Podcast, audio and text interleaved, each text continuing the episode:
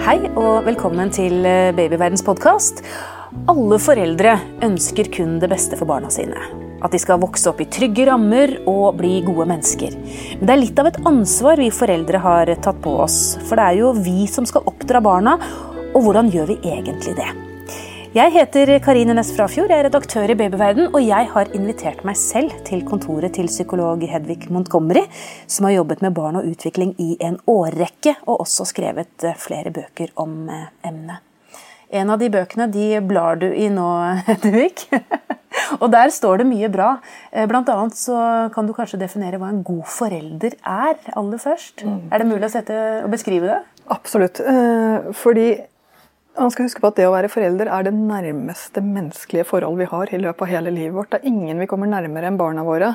Eh, og det ansvaret det er å være forelder, krever så mye av deg som menneske. Å være en god forelder er ikke å være feilfri, men det er å unngå de største feilene. Det er faktisk å være en god forelder. Mm.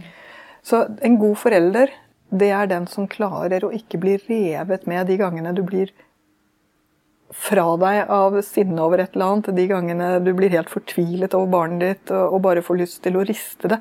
Altså, hvis du klarer å unngå å skjelle ut barnet ditt, hvis du klarer å unngå å riste eller slå barnet ditt, da er du faktisk en god forelder. En god forelder handler om å ikke gå over grensene. Men hvis vi går over grensene, og nå snakker jeg egentlig ikke om vold, men mm. si vi skjeller ut barna våre, mm. er vi da dårlige foreldre? Da har du all grunn i verden til å stoppe opp og tenke dette er ikke måten å gå videre på. Og det som virkelig skiller de gode og de dårlige foreldrene, det er at de gode foreldrene, når de har gjort sånne ting, de sier til seg selv det der var ikke særlig bra. Der bør vi ikke havne igjen. Mens de dårlige foreldrene sier såpass må en tåle. Og akkurat de ordene er det faktisk som kommer. Såpass må en tåle. Barn er ganske røffe bananer. De tåler en del, men de tåler ikke psykisk vold eller fysisk vold fra foreldrene sine. Er det noe mellom, eh, mellomløsning her? Altså, er det noe som heter godt nok? For det, jeg tenker at Hvis man skal sette en merkelapp på seg selv om at jeg er en god forelder, det tror jeg kanskje mange syns er litt vanskelig? Ja, men Det er jo godt nok som er god forelder. Ja. Det interessante er at Man har gjort en undersøkelse flere ganger for øvrig, som viser at hvis du deler foreldre i tre, eh, de som eh, gjør det helt fantastisk, alt etter boka, aldri glipper, og så har du dem som eh, gjør det stort sett riktig, men av og til så skjer det glipper. Og så har du dem som gjør mye feil, som eh, det renner over for altfor ofte. Så hvordan går det med barna til, til disse tre foreldregruppene? Så ser vi en interessant ting. Det er at best går det for dem, de barna som kommer fra godt nok-foreldrene. Fordi de lærer seg at ting går feil, de lærer seg at livet må håndteres. De er mye mer i dialog med foreldrene sine. Mens de som kommer fra de beste foreldrene, de som gjør allting riktig, det, de blir ikke nærhet til det. Det blir litt pappfigurforeldre. Så pussig nok, Og dårligst går det selvfølgelig med barna som kommer fra de riktig dårlige foreldrene. Mm. Så det interessante er faktisk at godt nok foreldrene får best resultat. Så poenget er ikke å gjøre riktig hele tiden, men poenget er å være med barna dine. Mm.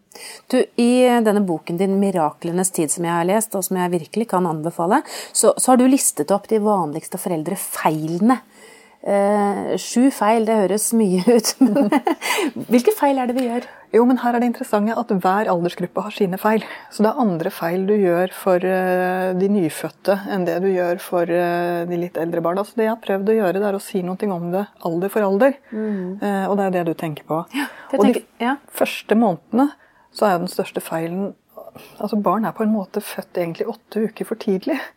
For de første ukene så er de så uferdige, du kommer ikke i kontakt med dem. Du får ikke det lille smilet. Du får ikke den der Du har kanskje gledet deg til å møte barnet ditt, men du møter egentlig bare en som du må hjelpe inn i rytme og mating og, og familien. Det er ikke egentlig ennå en som du er så mye med. Uh, og det er ofte et barn som ikke har ferdig mage- og tarmsystemet helt på topp, og, de gråter en del. Og du vet ikke hva du skal gjøre for noe. Her er selvfølgelig den største feilen å gjøre at du blir så fortvilet at du knuger barnet ditt for hardt eller rister det sånn at det blir skadet. Det er ikke dårlige foreldre som gjør det, men det er fortvila foreldre. Er det vanlig? Det er den vanligste skaden vi har på barn i denne alderen, så ja. Eh, I den forstand at mange føler på den fortvilelsen. Og så er spørsmålet hvordan håndterer du den fortvilelsen? Mm. Og det er det det handler om. Det er Hva gjør du når den fortvilelsen kommer? Spør du mamma eller naboen eller kjæresten din om hjelp? Eller går du bare inn og blir borte i din egen fortvilelse? Så det er greit å være obs på? Det er veldig, veldig greit. Så, så, du definerer jo på en måte foreldrefeilen, men gir du, gir du noe løsning? Gir du noe svar? Svaret er at i denne fasen her så må du både vite at det er sånn det er. Det er det som er normalen. Det er ikke normalen å få happy family fra dag én. De første åtte ukene er unntakstilstand i alle hjem. Det andre det er at her trengs det mer enn én voksen. Så i forkant bør du faktisk forberede deg, alliere deg, enten du får barn alene eller du får sammen med noen, at her trenger jeg hjelp. Fordi det er overveldende og mektig og fint å få en baby i hus, men faktisk mer krevende enn det en kvinne kan makte. Så senke forventningene også. Mm. Når de blir litt større, så får de jo dette lille smilet og den lille blikkontakten.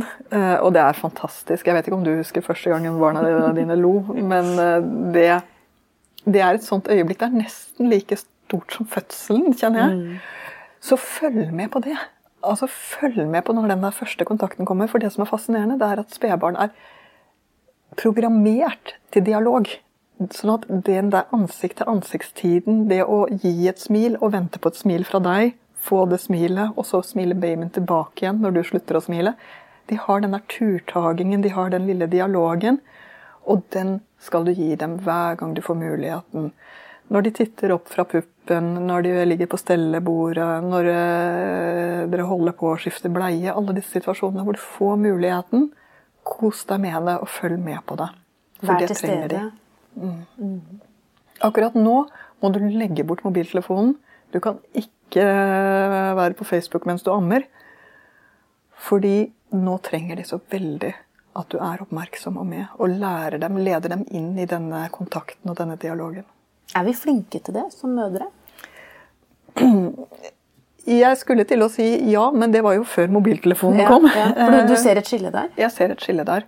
Og jeg ser at det er mange færre som eh, Altså det er for lett når du er litt sliten å skli inn i telefonen istedenfor å holde på den dialogen som barnet trenger.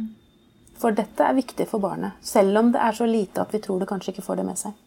Det får det med seg, for det er nå det begynner. Det er nå dialogen begynner, det er nå kontakten begynner. Så det er nå du skal følge med. Spennende. Mm flere feil vi gjør. ja, nei, Så får vi de litt eldre barna, da. Eh, og når de kommer opp i firemånedersalderen, så skjer det en ny stor ting, nemlig at de begynner å ta etter ting. Mm. Da begynner babyen å, å, å, ville ta tak i ting, løfte seg opp når den ligger på mage. Nå begynner vi liksom å få en baby som vil gjøre ting. Og det er det viktig å fòre. Så her er den store feilen å passivisere, sette i stolen.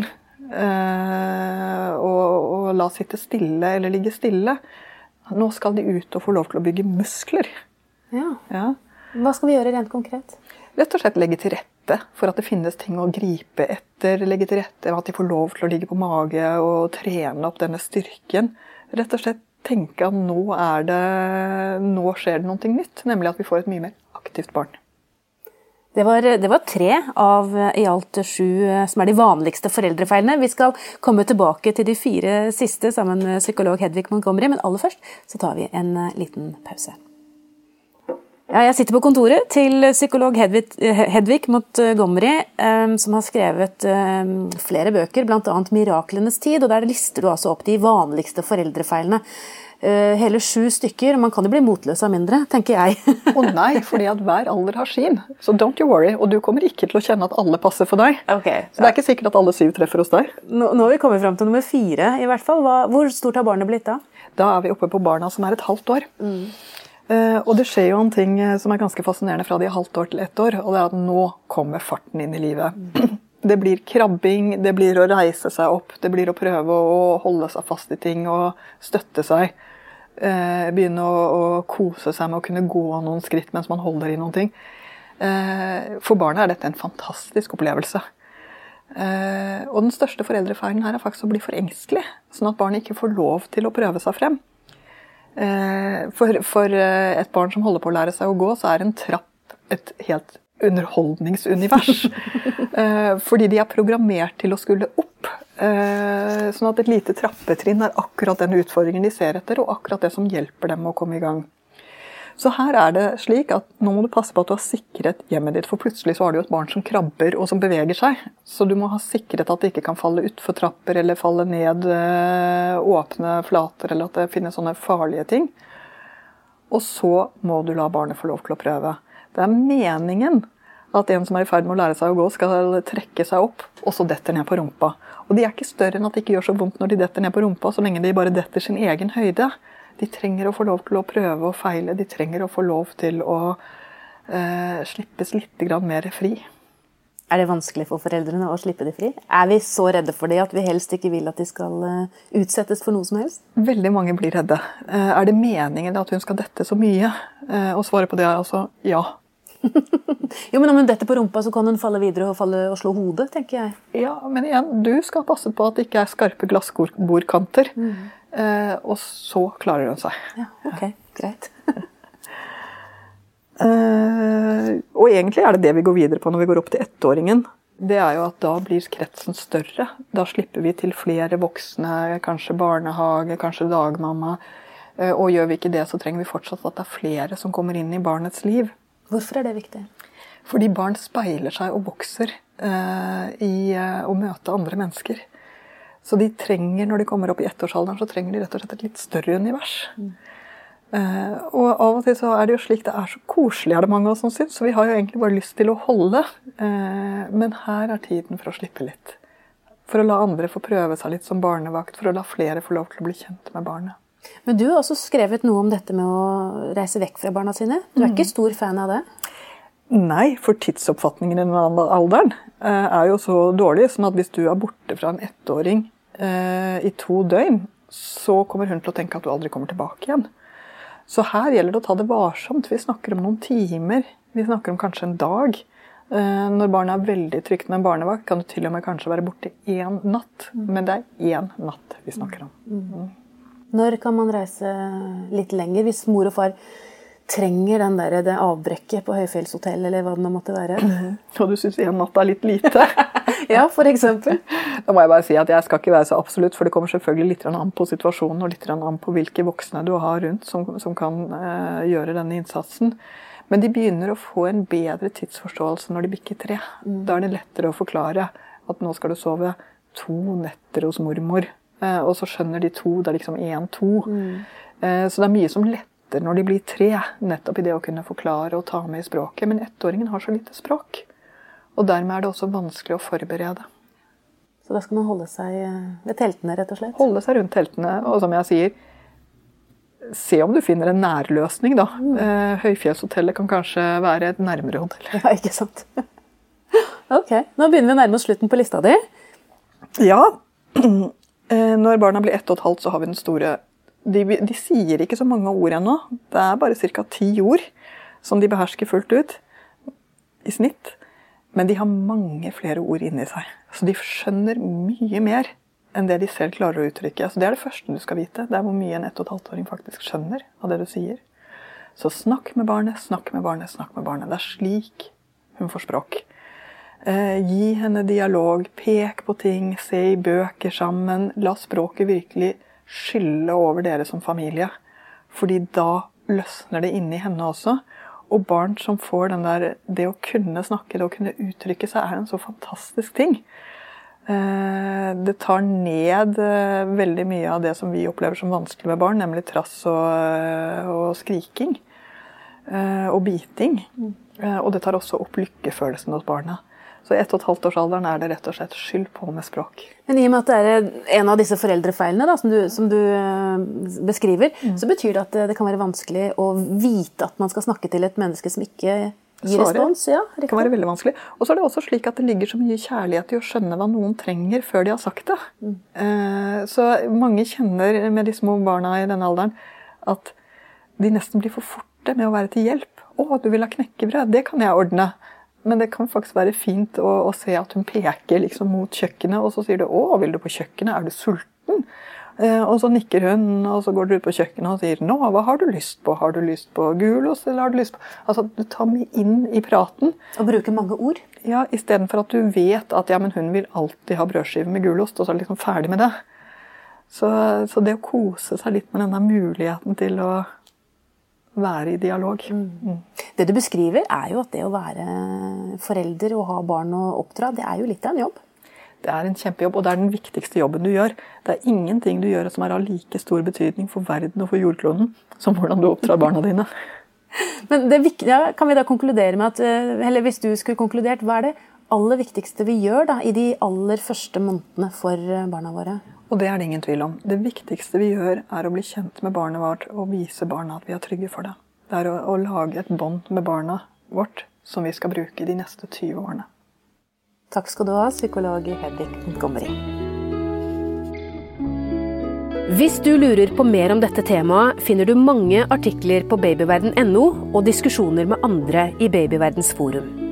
Hvis du ikke allerede har lastet ned appen vår, Gravid og barn, så anbefaler jeg deg å gjøre det med en gang, så kan du følge utviklingen til barnet ditt dag for dag og uke for uke. Siden du er opptatt av graviditet og barn, kan det også være lurt å abonnere på Babyverdens podkast, så får du nye episoder automatisk hver uke.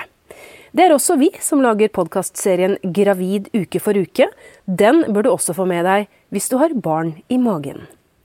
Har du kommentarer eller et tema du ønsker at vi skal belyse, så kan du sende en e-post til podkast at babyverden.no. Men husk at vi som lager denne podkasten er journalister og ikke helsepersonell. Så hvis du har medisinske spørsmål, må du ta kontakt med jordmor eller fastlegen din. Ha det godt til vi høres igjen.